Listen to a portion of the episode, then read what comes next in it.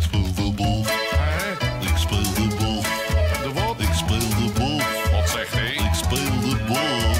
En ik de bal. Wat, wat zeg je nou? En ik de bal. De bus? En ik de bal. Wat is dat nou? Wat is dat En nou? ik de bal. Ik kom de bal. Yes, je luistert weer naar een nieuwe aflevering van Basgasten, de podcast waarin ik in gesprek ga met bekende Nederlandse, Belgische en internationale bassisten over hun gear, carrière en de mensen die ze hebben gevormd tot de bassist die ze zijn. Basgasten wordt mede mogelijk gemaakt door de Bassist, het magazine voor de Nederlandse en Belgische bassist. En in deze aflevering hoor je Frank Kraaienveld. Frank is de frontman en de bassist van de Bintangs. Een van de oudste rockbands die Nederland rijk is, die al werden opgericht in 1961. En ik ben ook heel erg benieuwd naar Frank's legendarische Dan Electro bas. Ik speel de bal. Dat was de bas.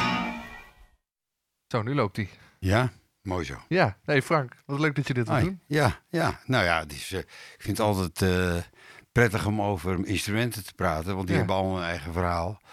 En ook niet alleen de instrumenten, maar ook de versterking. Dus het is, eh, het is leuk om daarover te praten. Ja, fijn. Ik ben in je atelier in Egmond, ja, ja, zee.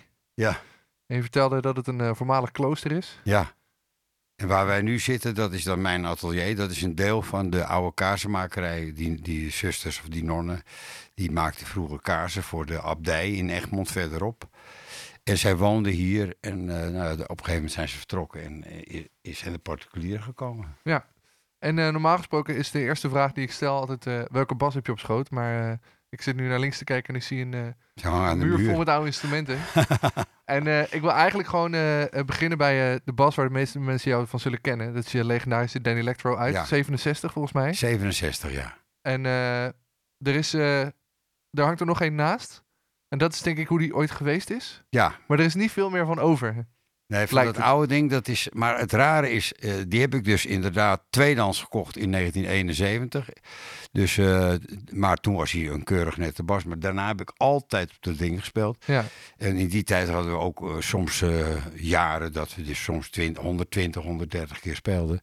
Dus we waren altijd op weg. En die bas die was iedere avond zeiknat natuurlijk. ja. Dus dat werkt ook niet mee aan het net houden. En bovendien interesseert het me helemaal niet of iets mooi eruit ziet. Ik vind het juist mooi dat ze er niet mooi ja het is heel gaaf. ja, ja, ja. Ja, Nee, het is gaaf dat je inderdaad de sporen van... eh, maar het is wel leuk toen ik 28 die, die, die, eh, die Dan Electro van een eh, kennis een tip kreeg. Dat er een Dan Electro was uit hetzelfde jaar. Maar bijna onbespeeld. eh, Ja, Toen heb ik die gekocht omdat ik het mooi vind eh, dat, je, dat je ziet hoe die was. ja, En deze is, ja, want ik ben gewoon ook, het zijn van die kleine s- lipstick elementjes. En ik ben door het jarenlang spelen, ik ben ik dwars door de, het metaal heen geslagen. Er zitten gaten in. En dat plak ik een beetje af met tape. ja. Dat- er zit gewoon duct tape overheen. Ik Ja. dacht misschien zit ze los, maar het is gewoon dat er gaten in zitten. ja, daar zitten gaten in. En hoe kwam je dan eh, in 71 op het idee om een Dan Electro te kopen? Nou, die, dat was al eerder hoor. Ja, nee, dat was al eerder. Ik had er al eentje in de Who, eh, die begonnen al met Ja. Dan Electro's te spelen. En dat vond ik geweldig. Dus toen ik eh, klaar was met mijn Hufner eh, vioolbas, toen kocht ik als eerste een Dan Electro nieuw Ja. bij Servaas in eh, Den Haag. Ja, wie niet, hè? Ja. En die had daar een hele collectie van. En daar heb ik een jaar of twee op gespeeld. En toen speelde, ik kan me herinneren dat we speelden in Schiedam, ergens boven. En dat was helemaal uitverkocht. En de management zei van tevoren van, ja, er is een Engelse band die wil, eh, eh, kunnen die op jullie spullen spelen? Want die wil het voorprogramma doen. Nou ja, wij hadden allemaal van die Marshall, eh, toen de tijd gewoon kleine 50 watt Marshall versterkers met zo'n Ja. buikje eronder. Voor alles, hè. Voor de gitaren, voor de bas, dat maakte niks uit. Dus, eh, nou, dat kon. En dat bleek achteraf eh ten years after te zijn. Zo, Voordat ze bekend werden. die stonden in jullie voorprogramma. Ja, ja. En eh, nou ja, die, dus voor het eerst hoorde ik de bintangs zoals ze klonken vanuit de zaal. Want ik ging in de zaal kijken. Ja. En die bassist, die speelde op een Fender Precision bas. Op mijn installatie. Ik dacht, jezus, dat klinkt het goed. Toen heb ik die Dan met mijn stomach verkocht. Want ja, in die tijd had je niet zoveel geld dat je Nee. altijd allemaal kon houden en zo. Dus die heb ik ingeruild. En toen heb ik een Precision gekocht, een tweedehandse. Daar heb ik eh, een jaar of twee, drie op gespeeld. Maar eerst de LP ook mee opgenomen. Dat, eh, het- een goede bas, maar zo zwaar. En Oh ik ben gewend. Zeker als je die eh, dan elektro gewend ja, bent. en dat is long scale en dan elektrisch medium scale of short scale eigenlijk. Hè? Dus eh, dat is allemaal licht en zo. En bovendien heeft het een ander soort sound. En toen heb ik weer een dan elektro toen ik in de Bindang speelde. Toen ben ik daar een tijdje uit geweest, een beetje ruzie gehad en zo. En toen kocht ik een nieuwe Rickenbacker. Dat is een beetje mijn carrière was basgitaar, hè. Maar dat was helemaal, ook helemaal niks voor mij, ook nieuw. Hè? Maar eh, nou, en toen ben ik weer terug, toch teruggegaan weer naar een dan Electro. En dat was dit, deze, die kocht ik in een muid ergens. Bij een man die dus eh, af en toe tweedehands gitaren verkocht. Ja, En daar stond er een. Toen was ik terug en die heb ik dus altijd gehouden. Maar die oude, dat oude verrotte ding, dat klinkt verreweg het beste. Heeft veel meer sound dan die andere. Ja. En waarom dat is? Waarschijnlijk omdat het is natuurlijk helemaal niks. Het zijn een paar latjes met een beetje marsoniet erover. Ja. Een soort eh, hardboard. En dat is het. Ja, en dat vind ik juist zo leuk. ja, maar het is misschien ook omdat je echt vergroeid bent met dat ding, dat dat ook de sound ja, is waar ja, je... ja. Hij is niet helemaal zuiver, dus je moet het een beetje medi eh. Een beetje er tussenin gaan zitten. Ja. Maar eh, nou ja, als ik ook opnames maak, doe ik het vaak op andere bassen. Ja, Maar live is het altijd... eh, live is Altijd altijd, die. dat ding, ja. Het grappige is, ik vraag altijd op mijn Facebookpagina van eh, als ik naar iemand toe ga, van "Zijn- heb je vragen voor, voor, de, voor deze bassist in kwestie? En ik kreeg er meerdere over je dan Electro. Ja, ja, ja. wat het verhaal is. En, maar wat ik zelf een hele leuke vraag vind, weet je, dat alles gaat wel een stuk. Ehm, en ik sprak eh, Michael Leek van Snarky Puppy, die heeft een Precision uit 59 mee op tour. ja. Hij zegt, ik vroeg, vraag, heb je dan ook reserve bij? Zei, hij, nee, het ding gaat nooit stuk. En iemand vroeg op mijn Facebookpagina van, heeft dat ding je wel eens in de steek gelaten?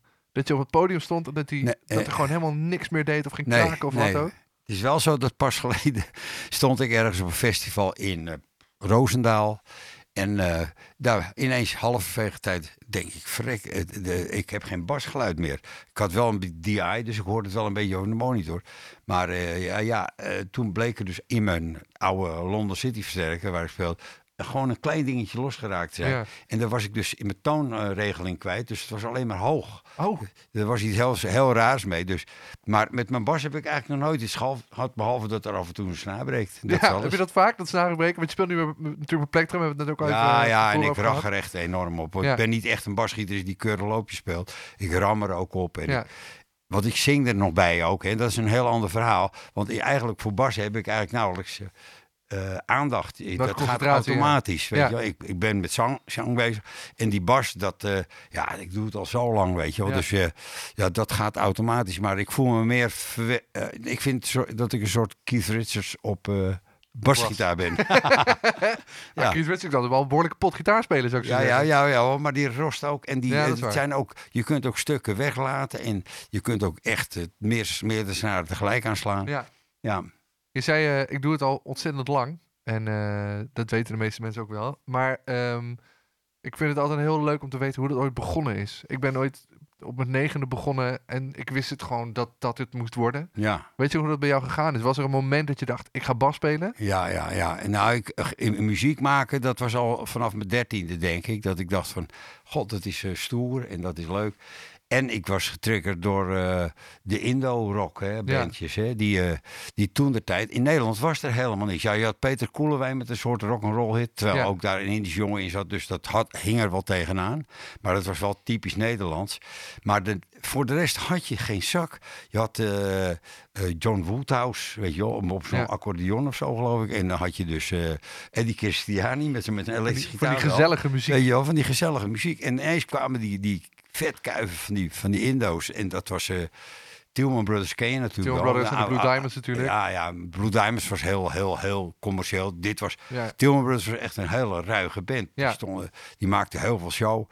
Dus dat was eigenlijk de eerste insteek. Ik had het gezien op een tv-programma. Je kunt het nu op YouTube nog steeds zien, die, die opnames. En het, het, het, het, is niet overdreven dat ik dat goed vind. Ik vind het nou nog steeds goed. Het is ook heel goed, ja. En die, een drummer die om zijn drumstel heen loopt. En dat was voor het eerst op de Nederlandse televisie. Ik denk zelfs in de weekendshow van Johnny en Rijk, maar dat weet ik niet zeker. Nou, in ieder geval, daar stond daar zo'n band ineens vier, vijf nummers te spelen. Dus vrij lang. En het ging helemaal uit een dak op een Ja. contrabas, bovenop staan en op mijn rug spelen en alles. Met een voeten spelen. Echt ongelooflijk. Totale, als je, ik denk dat als mensen van op mijn leeftijd, misschien jonger, mijn leerlingen bijvoorbeeld, ik sta voor de klas. dat zouden zien, zouden ze denken, wat een gesapige zooi. Ja. Maar ik kan me heel goed voorstellen dat, dat je dat ziet en je denkt, wat is dit? Wat gebeurt hier Ja, allemaal? ja, ja, ja. ja, het is natuurlijk eigenlijk eh, toen eenmaal de rockmuziek in Nederland kwam en later de blues en de rhythm and blues. En door de Beatles waar- werd het heel anders. Hè. Daarvoor was het gewoon een periode, die indruk was heel veel instrumentaal. Ja, nummers, weet je wel. En eh, toen ineens bleek dat met de Beatles kwam er een band van vier mensen die op Ringo Starr eh, na allemaal kon, goed konden zingen, goed Ja. konden schrijven, ook liedjes. En die eh, ook nog hun instrument goed beheersten. En dat was bijzonder, want je had vroeger meestal gewoon een band die begeleidde een zanger. Ja. Cliff en de Shadows. precies. Of weet je wel, dus de- dat soort dingen. Door de Shadows ook hele gave instrumentale platen Ja, hebben gemaakt natuurlijk. ja, ja, daar waren ze wereldberoemd mee Ja. geworden. Met die instrumentale muziek. Maar Cliff die, die zong er dan bij. En dat, dat begon bij ons ook zo met zijn Indische zanger, een jongen. En wij, eh, wij- een beetje spelen. Ja. je groeit erin. En eh, ik heb ook nooit een noot leren lezen. Trouwens, bijna niemand in die hele band. En we hebben er toch heel veel muzikanten versleten in de Ja. loop der jaren. Maar ja, we- het, het was allemaal self-made. hè. Je, je luisterde en je ging dat naspelen. Maar dat inspireert, die, dus die indie bands, die inspireerde je dan om muziek te gaan maken. Ja, Maar wat was dan de aanleiding dat je bas bent gaan spelen? Ja, ik kan me ja. voorstellen, weet je, je ziet zo'n band en ja. weet, meestal zijn toch een drummer en een gitarist en een Ja. frontman zijn een Ja. beetje de aansprekende figuur in zo'n... eh, Ja, maar eh, toen waren we hartstikke jong, jongen. Ik was eh, geloof ik 15 toen ik eh, de keuze maakte om bas gaan spelen. En dat kwam gewoon Artie, mijn broer. Eh, dat was echt later, hij is pas geleden overleden vorig jaar. Ja. Maar er was een waanzinnige solo-gitarist. Die toen echt nog aan het ontkiemen was. Maar die, eh, dat was duidelijk, dat werd de so- solo-gitarist. Ja. En mijn Fernhout, ook een andere Hollandse jongen, zeg maar. Die, eh, die was echt strakke slaggitaarpartijen. En toen dacht ik, nou ja.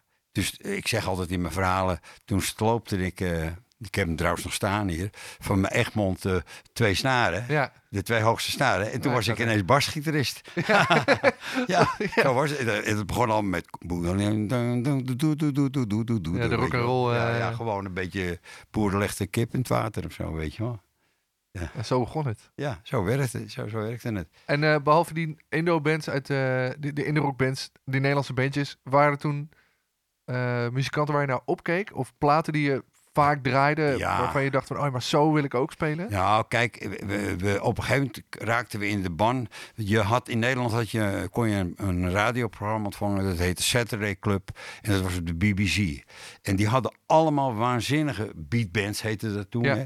Die speelden daar live. En daar luisterden, we zaten altijd gekluisterd aan de oude draadomroep. Hè? Dat was zo- zo'n ding met zo'n knop, dat je vier zenders. en nou ja. Ja, het klinkt wel oude lullig als ik praat, maar dat zo, zo was het dus Ja. wel. En daar hoorden we voor het eerst de Beatles live, de Stones live. En die speelden gewoon die platen. Nou jongen, we waren er helemaal weg van. Dus wij besloten om de Nederlandse Rolling Stones te worden. Haar laten groeien, weet je wel. En, Ja, eh, ja. en nou ja, en dat waren we zo'n beetje de eerste van in Nederland die dat deden. En eh, we speelden heel veel nummers in het begin van de eerste LP van de Stones. En Bill Wyman was eenzelfde type bassist als dat ik ben, Ja, nog steeds. het grappige is dat er ook een, hier hangt een Framus bas. Dat is de, De Starbase, die ja, ik dus- ook associeer met Bill Wyman inderdaad. Ja, ja, nou, Bill had meestal een grotere Starbas. Hè? Ja, Die had die grote, rode, die heb ik ook nog gehad.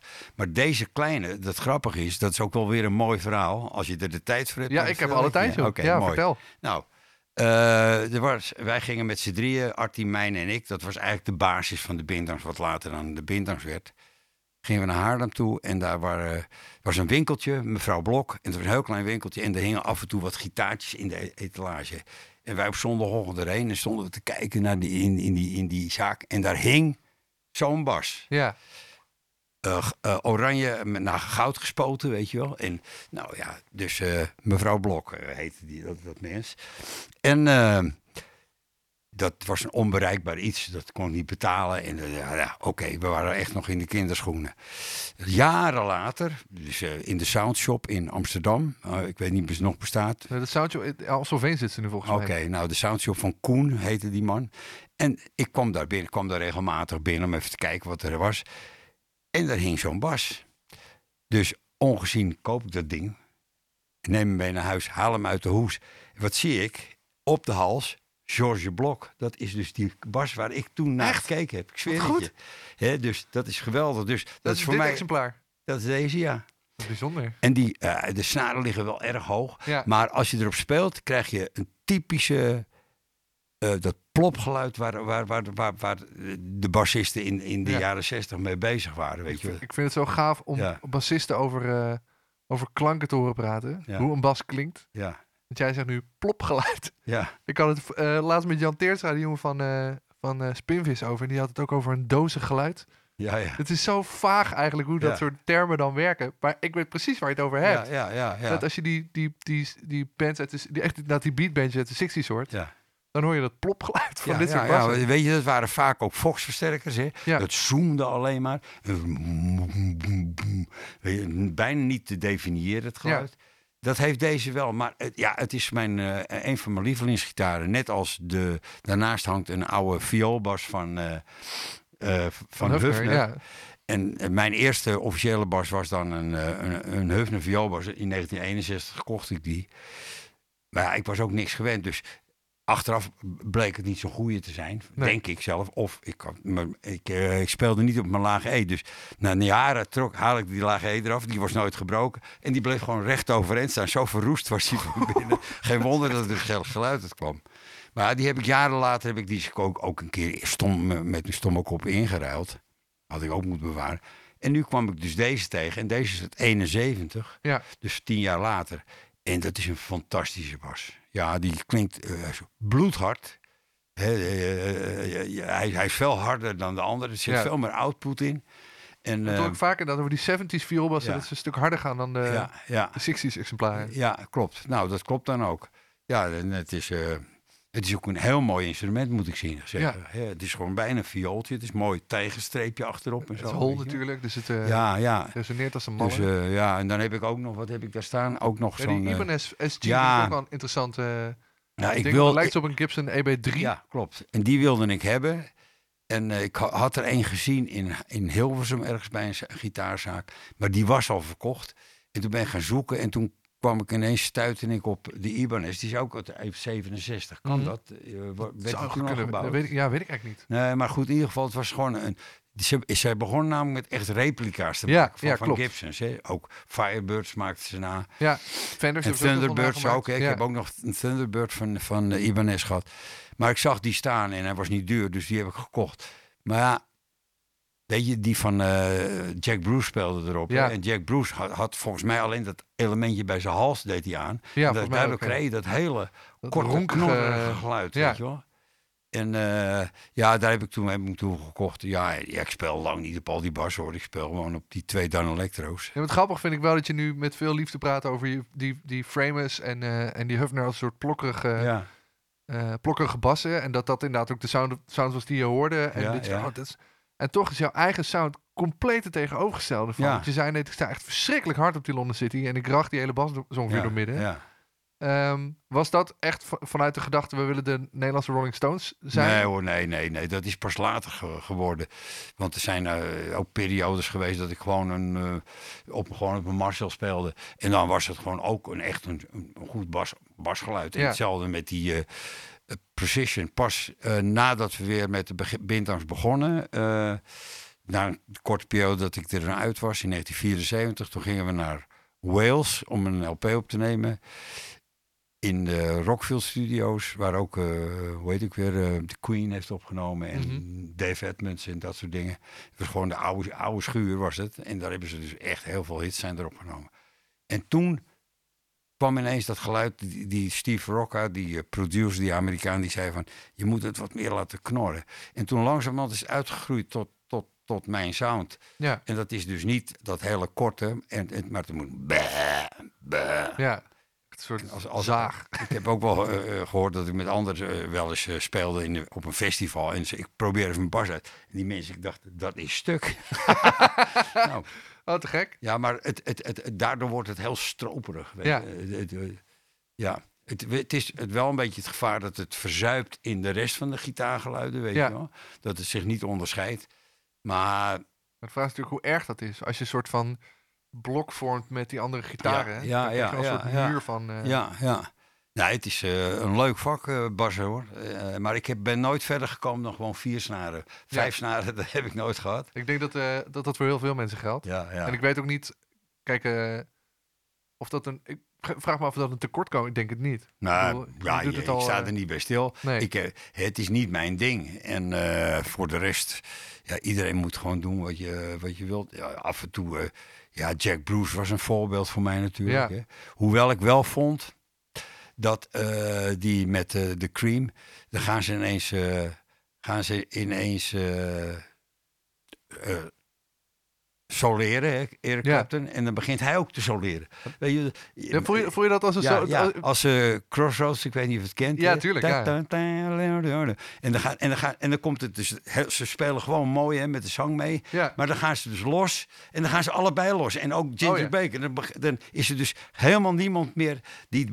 Ik denk dan, ga dan als bassist de baas spelen, dat hij, weet je wel... Maar dat is voor veel mensen natuurlijk de charme van, van Cream. Dat, Ja, hij, dat ja. dat een soort van ja.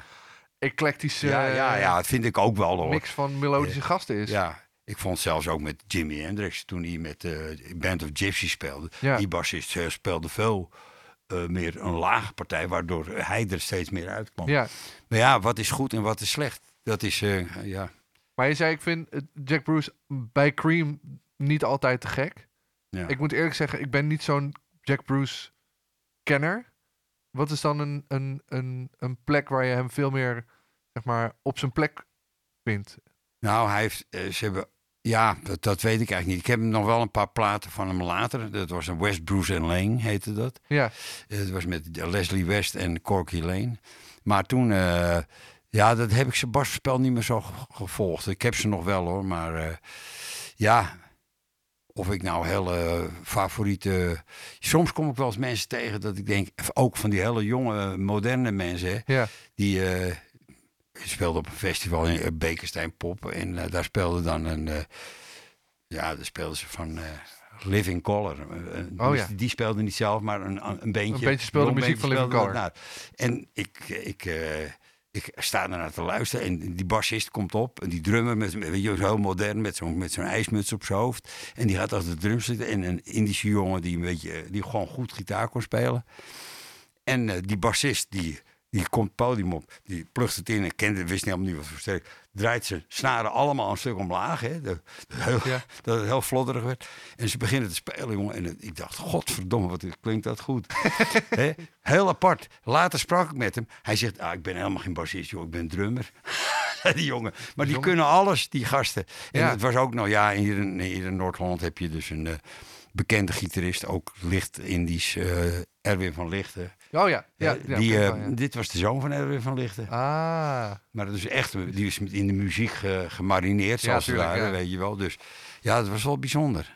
in de muziek gemarineerd, die ga ik onthouden. ja, ja, Maar eh, je noemt Jack Bruce daar, en dat is dus ook een van de redenen dat Ja. je die... ja, ehm, ik wil nog heel even terugkomen op die Danny Rector, dat doen we misschien nog wel vaker. ja, wat je zei, de Who speelde op die dingen. ja. Ehm, ik hoop niet dat ik nu mijn, eh, mijn opname met, met Rinus Gerritsen ooit eh, verpest. Maar Rinus die vertelde bij de presentatie van het boek over Gibson bassen... de reden waarom de Who op die Danny Electro speelde. Oh, Ken je dat verhaal niet? Nee, Oh, nee. Hij vertelde... Ik hoop dat ik het nu goed vertel. Rinus, als je luistert en het klopt niet, laat het me weten. Dat de, de Who... Of, ja, toen ze nog redelijk onbekend waren, speelden ze in Den Haag. En toen werd aan de Golden Earring gevraagd... jongens, willen jullie die gast een beetje, een beetje even rondleiden in Den Haag... en de ah, stad ja, laten zien? ja. En toen wilde ze dus naar eh, wat nu Rock Palace is. En toen kocht ze dus enorm van die Dan Electro gitaren. Het was, Ja, ja. En die dingen kosten geen zak. Nee. En mensen, als je je versterker zo hard zet, Ja. dan horen mensen het toch niet tussen een Fender en een Dan En, en Electro. ze sloegen ze allemaal stuk ook Precies. nog. Dus waarom zou je dan allemaal dure Fenders kapot maken? Als je gewoon Dan Electro's... En die gaan nog leuk stuk ook, omdat het een soort van bordkarton is. Ja. Ja, dat is een mo- mooi verhaal Ja, trouwens. het is een heel mooi verhaal. Ja, ja. Nou, ik kan, me- kan, kan me dat nog wel herinneren. Dat, dat eh, die gasten allemaal, eh, de Pretty Things en zo, die kwamen allemaal naar Den Haag of naar Scheveningen. Ja. Die speelden daar op festivals, joh. Maar wat ik nog, wat ik ook, een, even, ik spring ook van hak tak, maar wat ik ook een hele goede bassist vind, is, ehm, hoe heet die nou, van de, van de Free. Oh, eh, Eddie Fraser. Andy Fraser, man, ongelooflijk. Ja, te gek. Ook op een Gibson trouwens. Ja, maar die, ja, ook op zo'n, hè. En dus Ja. daarom kom ik er ook weer op. Maar die heeft, die, die, pom, pom, pom, Echt waanzinnig. En dan ah, op een gegeven moment, dan klimt, die, die, die bouwt het op, hè, die klimt dan helemaal omhoog. Hè, en, Ja. en, en, maar hij over, overdoet nooit. Hij, hij- het is altijd in dienst van Ja. die groove. Ja, ik moet nu meteen denken aan het, eh, dat, dat solo-stuk in All Right Now. Dat je ineens alleen maar zo die drums Ja. hoort. En dat Ja. hij daar dan... Zo'n plok. Precies. en dat het nergens in de weg zit Nee. bij de gitarist. Ik ben Oh, die gitarist ja, die gitarist, die Paul Kossoff, ja, die kon ook was goede gitarist, maar hij, hij, die band bestond bij de basis van de drums en van Simon Kirk en die, en die, eh, en die bassist. En daardoor kon de gitarist alle kanten op. Hij kon Ja. stoppen met spelen. Dat ging allemaal door. Maar andersom, soms die begin van All Right Now, dus alleen maar de gitaar. En dan komt langzamerhand Ja, verder in het refrein komt die bas er pas bij. Weet je wel? En dat, dat vind ik wel ijzersterk hoor. Ja, Ja. en ben je dan, als je dat soort dingen eh, checkt, of je hebt, het- nou, het zit waarschijnlijk gewoon in je geheugen en in je vocabulaire. Als je zelf nummers maakt, eh, ben je dan bewust bezig met hoe je dan die baspartij invult? Of is het een soort van natuurlijk proces van, oh, ik heb op een gitaar wat dingen... Nee, er zijn bijna geen nummers die ik op basgitaar sp- eh, componeer. Want ik heb iets van 110 songs gemaakt, hè, tekst en muziek. Maar ik, ik, dus ik speel ze, eh, terwijl ik een gebrekkig gitarist ben, maar ik speel ze op gitaar. Omdat ik dan, eh, dan neem ik ze op op een klein cassette recordertje. Ja. Dat is dan de basis. En dan gaan we daaraan werken. En pas dan komt eh, de baspartij die dan in me opkomt. Hè. Dus het, het, het, het, het hangt er een beetje bij. Ja, Totdat ik zover ben dat ik denk, nou, dan neem ik ze op en dan zitten we in de oefenruimte en dan neem ik het op en dan ga ik dan het, dat uitwerken. Maar Ja. het, zijn, het staat altijd in de dienst van de song en niet, ik hoef niet ingewikkelde baspartijen nee precies. Maar het is ook niet dat je op, op, een, op je bas zit te pielen dat je denkt, oh, maar dit vind ik een gaaf riffje. Nou, heb ik- wel eens gehad, dat, eh, dat is dan een nummer Murder, dat gaat ta, ta, ta, ta, da, da, da, da, pff, boem. Mhm. Nou ja, en dat, dat gaat dat hele nummer zo door. En dat is puur op eh, bas eh, geschreven, weet je wel. Ja, en Ja. als je dus een liedje maakt, dan kom je dus... Hoe uitgewerkt zijn die ideeën die je meeneemt de oefenruimte in? Heb je al in je hoofd en zeg je tegen de drummer van... "Nou, Ik wacht dat je dit speelt. Nee, nee, ik laat het toch ook de arrangementen. eh, eh, dat groeit tijdens het. eh, het, blijft, het is een. eh, ik neem een hele kale versie op met één Ja. gitaartje, verder niks. Vroeger heb ik wel eens nog dus, eh, overdubs eh, gehad dat ik wel een beetje bas speelde en zo. Maar tegenwoordig is het gewoon zo. Ik heb, heb een idee in mijn hoofd, dat werk ik uit en dat neem ik mee en daar gaan we mee, mee werken. En dan krijgt iedereen. Ik stuur het wel een beetje. Ja, Maar in ieder geval krijgt iedereen zijn eigen kans. Want ja, het- zijn, gitaristen die. eh, De ene is echt een heel strakke slaggitarist, de andere is een slidegitaar. Dingen. En eh, ja, en dat komt dan bij elkaar. En een, Ja. een drummer is natuurlijk, dat is ook nog zoiets. Een drummer en een bassist, die moeten op elkaar ingespeeld ja zijn. tuurlijk. En dat is eigenlijk ook wat. eh, ja, ik heb heel veel, er zijn heel veel drummers geweest hoor, in, in de loop der jaren. Maar eh, en ze hebben allemaal hun ei- eigen manier van spelen. Maar op de een of andere manier haak ik daar dan toch wel op in. Maar ja, ik heb een iets heel lang met Harry Schierbeek. Dat was een, enorme beuker. En daar hebben we die LP in Wales mee opgenomen. Dus zeg maar van 74 tot eh, met 84. Met hem gespeeld. En dat was echt, daar wist ik elke noot wat hij deed. Hè. En daar kon ik op inschakelen. Een heerlijk gevoel is dat, ja. Ja, ja, ja. Dat je gewoon niet hoeft te kijken en gewoon Nee. denkt, ah, hij gaat nu dit doen. Nee, ja. Maar het is bij ons nooit subtiel geweest. Nee, maar subtiel is ook, eh, ook als ik naar je bas kijk, denk ik dat eh, Nee. had ik ook niet per se verwacht. Nee. Ehm, en een vraag die ik eh, wel eens krijg ook van mensen die dan merken dat je heel lang in een band speelt. Het is een beetje een, misschien is het een moeilijke vraag, maar dat weet ik niet. Hoe hou je zoiets leuk? Want ik heb volgens mij het langst wat ik in de band nog steeds een jaar of tien. En toen Ja. was bij mij de koek echt wel op. Ja? Nou ja, nee, maar de- we, we hebben, we, we hebben wel periodes gehad dat we tien jaar bij elkaar waren. Maar Ja. zijn veel meer periodes geweest dat het heel vaak wisselde. Ja, En dat vond ik absoluut niet prettig. Maar het gebeurde gewoon zo. Ja, je werkt met mensen en er gaan mensen overlijden. Er worden mensen ziek. De, als je zo lang speelt. Volgend jaar of, of over anderhalf jaar spelen we 60 jaar. Ja, ongelooflijk. Dus, eh, 61 zijn jullie opgericht, hè? Ja, in 61 zijn we Ja. opgericht. Daar was ik dus bij, samen met Artie. Nou, Artie is dus overleden. Maar Artie was bijvoorbeeld het tegenovergestelde. Ik ben een, echt een pitbull wat betreft volhouden. Hè. Ja. Eh, ik ben wel een tijdje uit de binners gezet omdat er ruzie was. Maar daarnaast, na- daarna ben ik altijd doorgaan. Soms met twee man, dat je overblijft, weet je wel.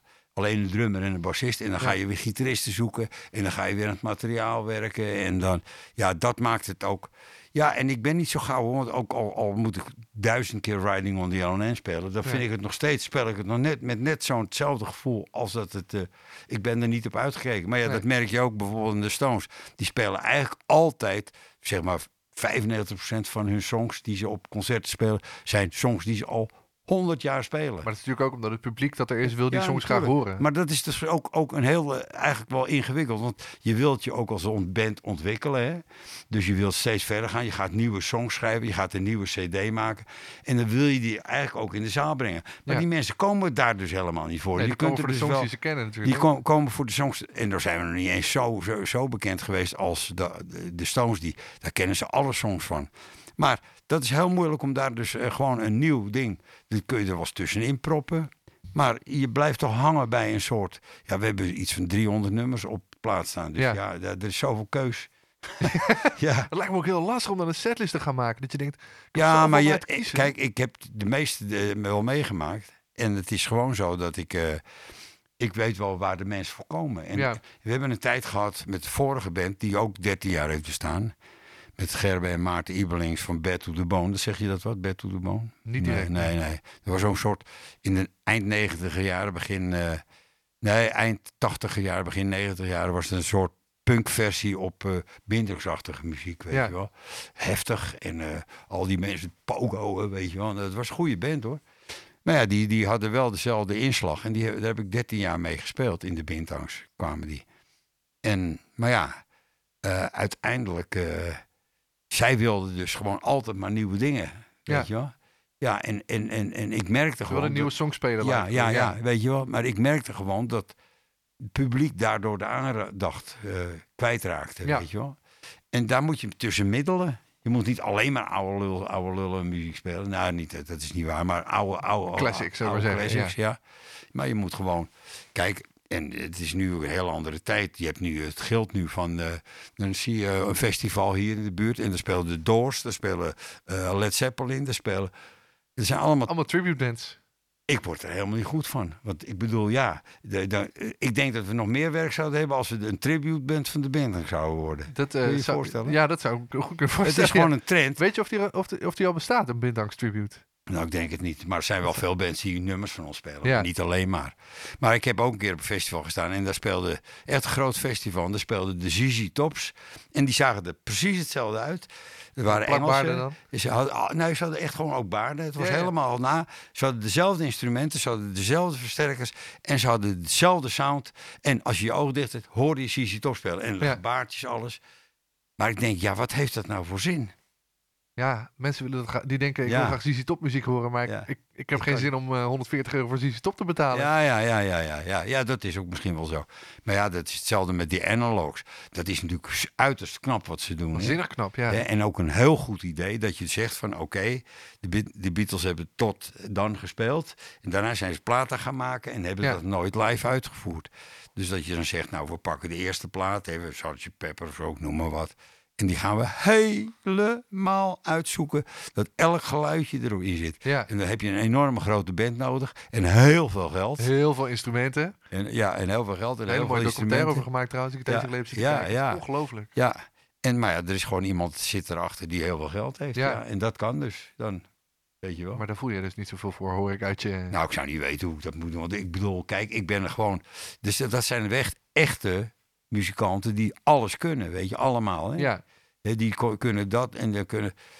Ja, en dan proberen ze dus te imiteren wat vier mensen gemaakt hebben. ja, dat doen ze met z'n... Nou, goed, uh, Sgt. Pepper zijn ze met z'n twaalf of zo. Ja, ja, strijkers en dat soort dingen nog bij natuurlijk. Ja, ja, ja. Dus eh, wel bijzonder. En wel bijzonder zijn. En daar heb ik wel begrip voor. Ik kan me wel voorstellen dat dat iets is. En een goed idee ook, uitgewerkt.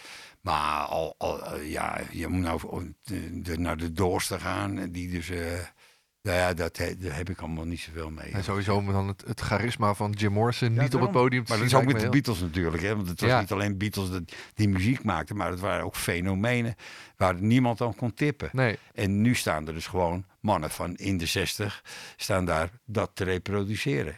En dus visueel zullen ze wel met een lichtshow en zo dat doen. Maar het, het is nu niet het spannende wat de Beatles wel Nee, hadden. precies. Ja. Ehm, nu we het toch over de Beatles hebben. Paul McCartney is een heel vaak terugkomende naam eh, Ja, in deze podcast. ja. Eh, heel veel mensen zeggen, ja, Paul McCartney is toch wel eh, misschien wel de grootste invloed die, die ik heb. Ook mensen waarvan ik het niet per se verwacht. Hoe is dat bij jou? Ben je iemand die, die McCartney als, als bassist heeft, nou ik zou niet Ja, zeggen bestudeerd, maar ja, ja, nee, niet bestudeerd, maar ik bedoel, het is gewoon echt een geweldige bassist. Hè, want hij kan zingen en hij kan daar tussendoor tegelijkertijd melodielijnen spelen. ja, Hè? Ja, eh, ja ik, het zou raar zijn als ik dat niet goed vind. Maar ja, Bill Wyman had, had, had, had een andere functie. Dat was veel meer begeleidend. Ja. Maar toen Bill wegviel bij de Stones... en eh, een bassist is gekomen, ingehuurd... die dan waarschijnlijk technisch beter is... Ja, weet je wel? Nu speelt Daryl Jones volgens Ja, mij ja, ja. Die kan wel zinnig bas, dat is Ja, kan waanzinnig was. Maar toch, daar gaat het dus niet om. Dat is eigenlijk de, de, de, de kwestie. Hè? De kwestie is, het, we maken popmuziek, we maken geen klassieke muziek. En Nee. ik vind wel dat het juist zo mooi als het een beetje gebrekkig is. Als het een beetje schuurt. Ja, ja. En dat had bij, bij, bij Bill Wyman, die, die, die, die, die mis ik echt. Ja, Net zo goed als Charlie Watts weg zal vallen. En er komt een waanzinnig goede drummer in de plaats. ja. Maar dan zijn het de Stones niet meer. Nee, precies. Nou, ik, had, ik, ik herken je gevoel een beetje. Ik ben wel meer een, een, Beatle-fan dan een Stones-luisteraar. En ik ben... Een paar jaar geleden heb ik Paul McCartney live gezien. Ja. En daar zit dan... eh eh Abel Boreal Jr. zit achter de... Een waanzinnig goede drummer. En dan hoor je die Beatle-liedjes denk je... Ja, hij speelt het heel erg goed. En hij, hij snapt die, die Ringo-feel.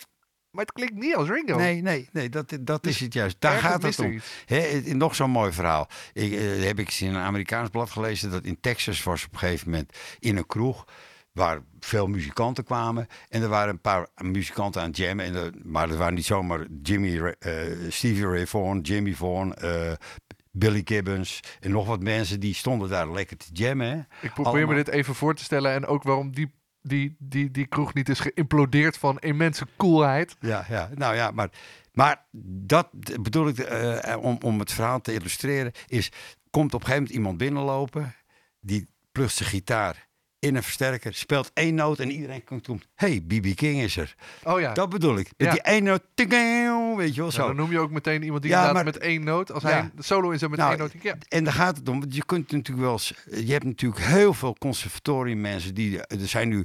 Dat was er vroeger allemaal niet. Hè, dat je pop, eh, Mhm. popconservatoria had. En popacademies. en weet ik wat allemaal. Hartstikke goed allemaal dat het gebeurt. Maar ze kunnen allemaal noten lezen. Ze kunnen allemaal. Je hebt, toen de tijd was het heel bijzonder als je een hele goede gitarist had. Nu heb je zo waanzinnig veel. Waanzinnig goede gitaristen. ja. Maar in mijn ogen gaat het daar niet om. Het gaat er gewoon om, iemand moet karakter hebben. Ja. Die, moet, die, die, die moet met heel weinig noten, dat is Billy Gibbons ook. Die speelt gewoon, dat is helemaal niet virtuoos, maar die speelt van die lekkere licks waardoor je meegezogen wordt. Ja. En die solo kan je als je, als je ja na na na na, ja na na na na, na na na na, oh, oh, oh. Ja. Wel? De, de, de, no, notenvreters, ja, dat is ook mooi, maar eh, ik, ik, ik hou wel Je kan er niet zoveel mee. Nee, precies. Nee. En eh, als je... Stel, eh, je hebt behoorlijk op muzikanten versleten zijn dat al in de bintangs en ook eh, daaromheen. Ja. Ehm, merk je dan ook als je nu eh, zou gaan kijken van wie heb ik allemaal gevonden, dat je eigenlijk daar ook vooral naar op zoek bent geweest. Gewoon gasten die authentiek zijn. Ja, die- ja, ja, ja. Dat het krankzinnig is dat eh, ik heb regelmatig gewoon met twee man overgebleven. Hè. Ja, En- dat zei je inderdaad. En eh, op een gegeven moment, inderdaad, met die be- broers Ibelings van, van Bed to the Bone, die had ik gebeld. Jongens, willen jullie eh, meedoen? Ja, ja, we komen we gaan een keer repeteren. Daarvoor had ik wel wat dingen uitgeprobeerd. Hele goede muzikanten. Maar het werd geen bintangs. Nee, precies. Kun je je voorstellen? En die gasten die plugden die gitaren in. En die is, eh, nou, Snake in na. En, en ineens klonk het. En terwijl de andere gitarist van de bintangs, Jan Wijten, die zat, wij waren met z'n tweeën overgebleven. De rest was allemaal weggegaan. En Eh, Jan was er niet bij, want die zat met een soort hernia thuis. Dus we waren gewoon met z'n drieën. En ineens had ik die bindang viel weer. Ik Ja. denk, hoe is het nou toch mogelijk, hè? Dat zijn gewoon mensen die het dan begrijpen in plaats ja, van het ja, kunnen. Ja, en ook drummen, eh, weet je wel, eh, strak en ongecontroleerd soms. En nou ja, en maar nu na, na 13 jaar dat ik eh, gestopt ben met, met die jongens, omdat ja, het, eh, de koek was een beetje op. En dat had niks met die mensen te maken, maar het had gewoon met in mijn hoofd te maken wat ik eh, van plan was. En toen nieuwe gitarist was, nou ja, Dagomar is gebleven en, en een nieuwe drummer erbij, waar, die ook al vaker in de binnen zijn meegespeeld. En we, we, we, we he- hebben weer een frisse kijk op die dingen. Ja. Maar ik heb wel gezegd, we gaan met volume omlaag. Want het, eh, we- met, met, ook met eh Gerben en Maarten was het allemaal, ook al speelde hij in een kleinere zaal, ongekend hard. Ja. Weet je wel, eh, eh, ja, maar ze hoorden zichzelf er niet, want hebben ze ook nog dop in hun oren. Ja, dan hoor je jezelf niet, dus dan ga je nog, nog harder. Ja, je dat, er- ervaar je dat zo? Dat als Ja, mensen doppen ja. in hebben dat ze harder gaan? Ja, natuurlijk, want uh, doe, doe dit maar eens shortjes zelf Ja, je gaat harder- je spelen, gaat- maar je hoort niet wat er buiten gebeurt. Ja, Dus in zij gitaar te spelen, maar je hoort eigenlijk niet wat je speelt. Dus je denkt, dat moet harder. ja. Weet je wel? En daar had ik zo ongelooflijk eh, genoeg van. Dus ik heb toen, in het begin heb ik ook mijn, wel mijn, eh, mijn kast, mijn, eh hoe heet ik weer, London City versterker gehad. En dan één, één kastje met een 15-inch speaker erin. Ja. En dat was gewoon lekker. Nu heb ik wel weer een tweede kast erbij. Maar, Het moet wel zachter. Nou, het kan ook nee, maar omdat we ook veel op festivals spelen. Ja. Dus dan kan je het wel gebruiken. En dan wordt mijn sound ietsje vetter. Ja, Dus, ja je eh, staat natuurlijk als ja. je 1, 15... sta je ook tegen je eigen enkels aan het spelen. Ja, zeg ja, maar. ja, ja. Dus... eh, Merk je dat je dat nodig hebt? Af en toe nieuwe mensen in die band om het soort, om het soort Nou, weer vlot te trekken? ik- eh, kijk, het, het zou fantastisch zijn. Kijk, ik heb ontzettend bewondering voor de Golden Earring. ja, Die dus al zo lang met z'n vieren zijn. Ja. Ze hebben natuurlijk wel ook wat zijstapjes. Elko heeft er een tijdje ingespeeld. En eh, Robert Jan Stips. Maar de, de basis is eigenlijk al, nou, 50 jaar. eh, ja, zo, ja, langer. Ja. bij elkaar, met z'n vieren. Hè? En, eh, en ja, ik vind Rinus Gerrits ook een van de geweldige bassisten van ja, Nederland. waanzinnig. Want die speelt op zo'n manier, dat is onmiskenbaar Rinus. Hè? Ik wilde net zeggen, hij is, je hoort hem spelen en je denkt, ja, Sarines. ja. En dat vind ik, en ik vind het bovendien nog een uiterst sympathieke gast. Ja.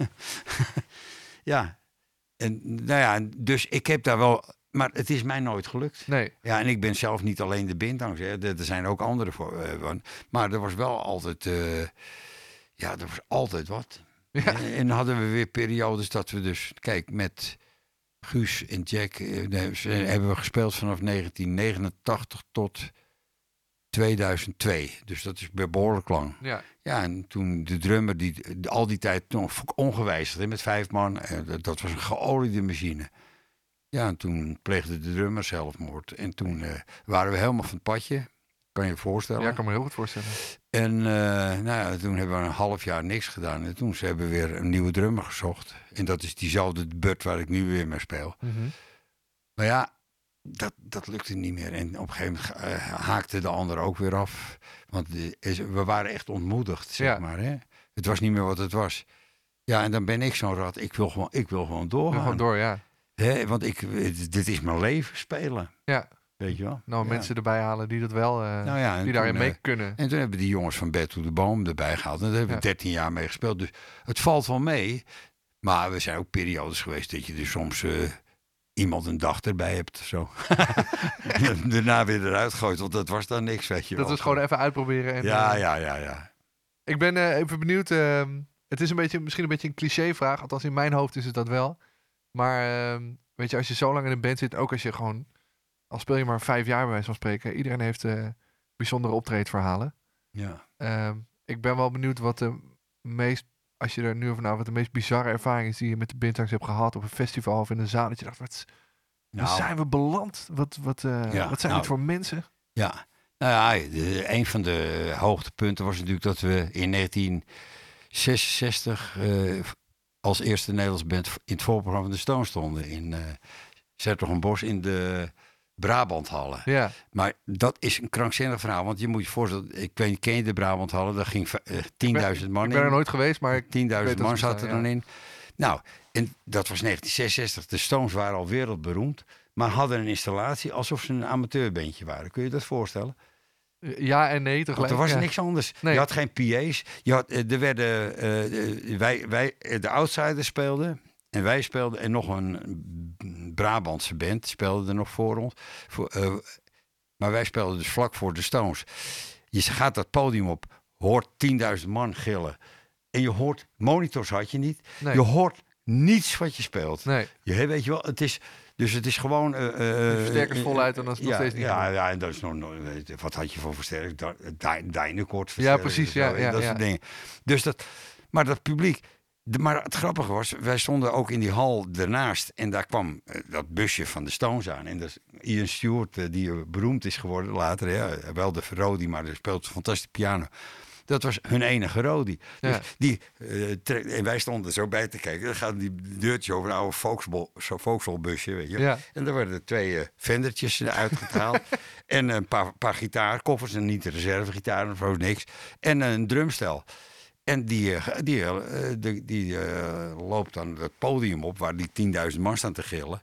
En zet dat gewoon de drumstel, zegt, timmert het nog een beetje met spijkers vast. Weet je. Nou, dan worden, en ik ben die zaal ingegaan. En de Stones begonnen te spelen. En je hoorde helemaal niks. Gewoon helemaal niks. Je hoorde helemaal niks. Je hoorde alleen maar gegil. Ja, dat is natuurlijk maar- ook wel een van de redenen dat de Beatles in de tijd gestopt zijn. Ja. Precies dit. Ja, dat die ja. Foxjes er gewoon niet meer bovenuit Nee, komen. nee. En daarom vind ik het van de Beatles ook zo knap. Dat Shea Stadium, hè.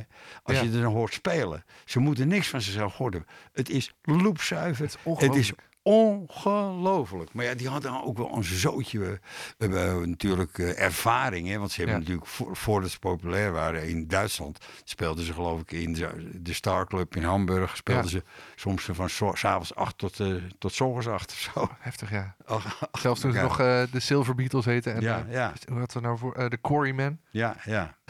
ja, Maar je speelt al zelf voor 10.000 man in de, in de Brabanthallen. ja. Dan heb je jezelf dus ook niet gehoord.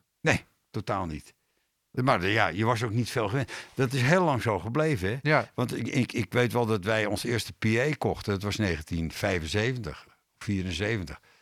Met van die oude grote JBL-installaties Ja. en zo. Weet je. wel. Dat, dat, dat moest, de zalen hadden dat allemaal niet. Dus je moest altijd alles meenemen. meenemen. Weet je wel. En de Iering hadden ook al enorme installaties. Dus ja, die zaten gewoon een paar treetjes hoger hoor, wat dat betreft. Maar goed, eh, wij hadden ook grote installatie. Maar daarvoor monitors. Ja, ik vraag me wel eens af, want met, met de band Kruijvel, de tussenliggende band, met Artie en eh, Harry Schierbeek en ik, mhm.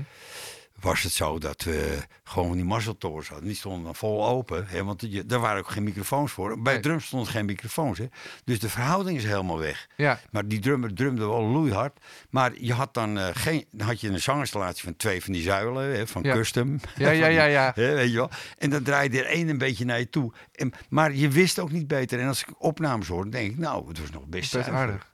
Ja. En, eh, maar op een gegeven moment kwamen dan, eh, kreeg je dan monitors en zanginstallaties en zo.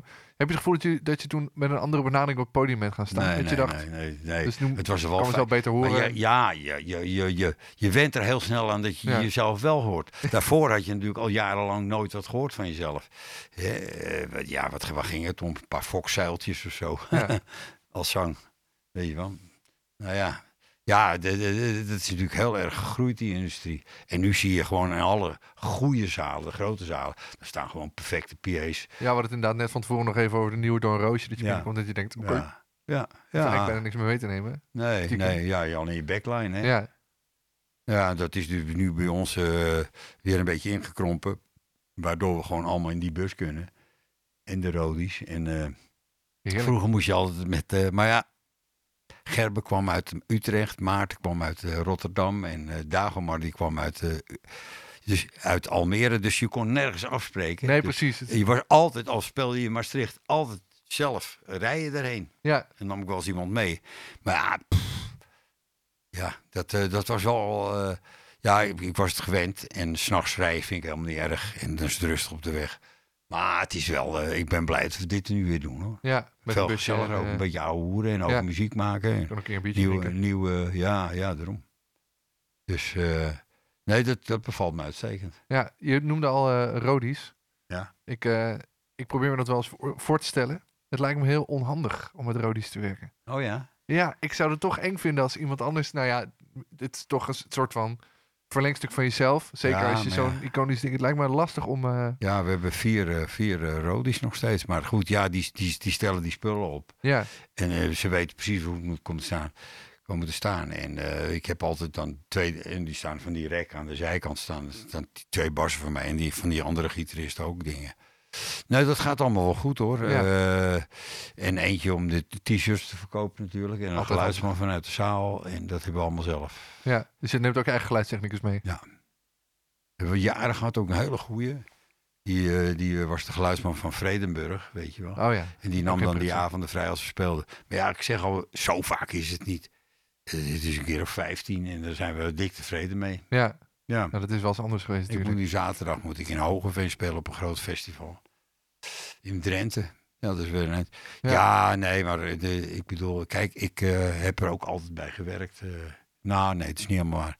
In de tijd van de hits ben ik een jaar of twee, drie echt professioneel muzikant geweest. En ik had geluk gehad dat ik daarna, ik had een grafisch, tenminste academie gedaan en grafisch ontwerper. En ik kwam bij Veronica terecht en daar heb ik 32 jaar gewerkt. Wat leuk. Wat doe je dan voor voor- Veronica is toch radio? Nee, voor de gids. Oh, voor de gids, ja. heb ik ontworpen eh, van het begin af aan al.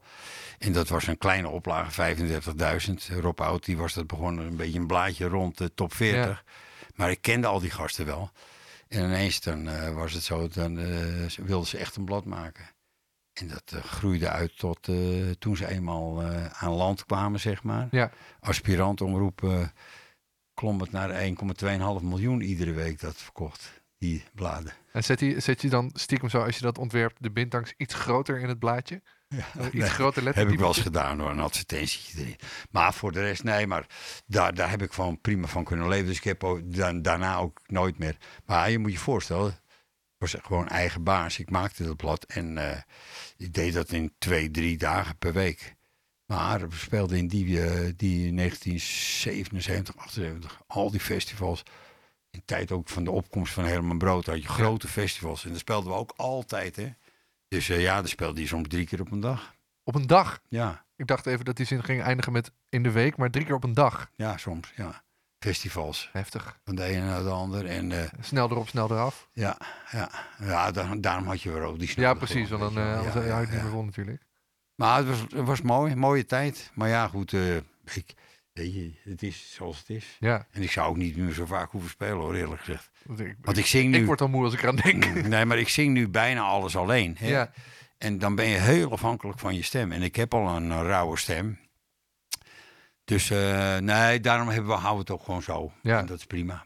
Merk je verschil in eh, wat je zei? Ik noemde het eh, Festival in Hogeveen en in Drenthe. En ik heb zelf het gevoel dat de muziek die jullie maken met de bandzang, een beetje die rhythm and blues feel, dat dat veel meer leeft in het oosten klopt, van, ja. eh, van ja, het land. dat is Dat ervaar je, ervaar Ja. je ook zo? Ja, dat is ook zo, Heb ja. je wel eens overwogen om daar dan te gaan wonen, omdat je dan Nee, minder ver hoeft te nee, rijden naar nee, shows? Wel nee, joh. Nee, dan zou je de hele band daarheen moeten verhuizen. Dus nee. Ja. Nee, nee, hoor, nee, want we spelen er wel regelmatig en in- regelmatig in Friesland. We hebben overal wel fans zitten, zeg maar. Maar eh, ja, de, nee, ik vind dit prima. Ja. Waar is het publiek het fijnst? Niet per se in Nederland, maar eh, ik speel zelf bijvoorbeeld heel graag in Duitsland. Nou, daar heb ik vroeger wel vaak gespeeld. Maar dat speel ik, ja, toevallig eh, met de vorige band nog één keer in Iserlohn en ergens, weet ik veel. Dat kan me, nee, nee, dat, eh, de, maar vroeger hadden we bijna hits in Duitsland. Hè? Ja. Dat scheelt wel. Ja. Dus je, je, je- en daar word je dus, in Duitsland word je dus echt als herkunstler eh, nog steeds. Hè? Ja, ja Daar zeker. zijn ze nog steeds gek op Peter Maffay. Ja, ja, zeker. Weet ja. je wel? Nee, weet je, hier in Nederland word je afgebrand. Hè? Na, eh, als je echt aan top komt. Hè? Dan, dan ah, ja, weet je, die hebben we wel gehad nou hè, met die gozer. Hè? Weet je, die, want je, als je het hoogtepunt bereikt, dan kan je alleen nog maar naar beneden gaan. Ja. En in die andere landen wordt dat dan geapprecieerd. Dan blijf je En je blijft, je blijft dan gewoon. En dat is in Frankrijk ook zo. Je ziet nog steeds eh, op die eh roddelbladen Sylvie Vartan. Omdat ze ooit in 1964 wat met Johnny Hallyday heeft gehad. Ja, ja, ja, Weet je, precies. bij wijze van spreken. Ja, Johnny Hallyday, daar kom je natuurlijk niet aan in Frankrijk. Nee. Door die, dat wordt een soort, ik denk dat je op een gegeven moment heilig verklaard wordt. Ja, ja, ja. ja. ja maar goed, is. zo, zo werkt het. Dus die worden. En in Nederland is dat toch anders. Kijk, ik, met de Iering ook, dat is toch gewoon een band die het al verschrikkelijk lang volhoudt. En vreselijk veel hits heeft gemaakt. Ja. En ook shows. En ik heb er grote bewondering voor. Maar dan komen ze bij de Wereld Draait Door en dan zeggen ze ja. En dat vind ik dan ook wel mooi. Wij, wij proberen de Ahoy vol te krijgen. Ik weet niet wie dat gezien Ik heeft. heb het eh, niet gezien, wel gehoord. Of Ahoy vol te krijgen. En het is nog niet vol. Dus daarom zitten we hier nou. ja, oh ja, zeggen dat, dat, dat je Barry gewoon heel eerlijk zegt. Ja, Ja. we komen gewoon Maar ja, de show te wij- verkopen. hij zegt, wij zijn dan zeg maar de be- bekendste band van Nederland. Hè? Maar eh, K3 die eh, koopt het 14 keer uit. Ja, Ja, Ja. dat, ja. maar het is toch ook eh, logisch. Hè? Iets verandert nou eenmaal. Toen wij aan popmuziek begonnen in Nederland, hadden we helemaal niet het idee dat je 60 jaar later dat nog steeds zo zou doen. Weet je wel? nee. Nee, want het zou ook een hele kleine. dat er iets heel anders zou gaan gebeuren met muziek. Dat een soort hype bleek te zijn. Ja, eh, en, eh, en, en, en, en, we- spelen, er zijn eh, die nog leven, een hele hoop spelen nog. ja. ja, bijzonder lijkt me dat. Ja, bijzonder. Frank, ik vond het echt superleuk om met je te praten. Ja, Hele mooie verhalen. mooi. En ik wil zo nog heel graag even hier Dan Electro en Prik als je het niet erg Ja, vindt. ja, ja. En als ik nog iemand moet bellen, wie, eh, stel je voor je zou abonnee zijn, wie zou jij nog heel graag willen horen? Ehm, Jaap van Eyck. Jaap van Eyck, Ja. die ken ik helemaal niet. Oh, Moet ik heel bekende. Die is ook, eh, trouwens eh, gerelateerd aan de bassist. Had je de Music Maker. Zeker, schrijf daar was hij ho- hoofdredacteur van. Aha. En hij heeft jarenlang bij, met Herman Brood bij de Cube in de Blisters gezeten. Was hij de, hij, was hij de bassist van. In, echt een hele goede bassist. Ook gek op zo'n Gibson. En eh, hij, is, hij doet wel eens interviews met me. Hij is eh, iets jonger dan ik ben. Maar Ja, eh, Jaap van Eyck, da- maar dat is echt een waanzinnige bassist. top. Dan ga ik die eens even Ja, dat is een mooie tip. Ja, dankjewel Frank. Oké. Je luisterde naar het gesprek dat ik had met Frank Krijveld. Vond je dit een leuke podcast? Abonneer je dan via je favoriete podcastkanaal. Laat een reviewtje achter op iTunes, zodat mensen de podcast beter kunnen vinden. En vergeet vooral de Basgasten playlist op Spotify niet te checken. En laat een berichtje achter op de Basgasten Facebook. Over twee weken hoor je Jan Haker. Ik speel de. Dat was de bas.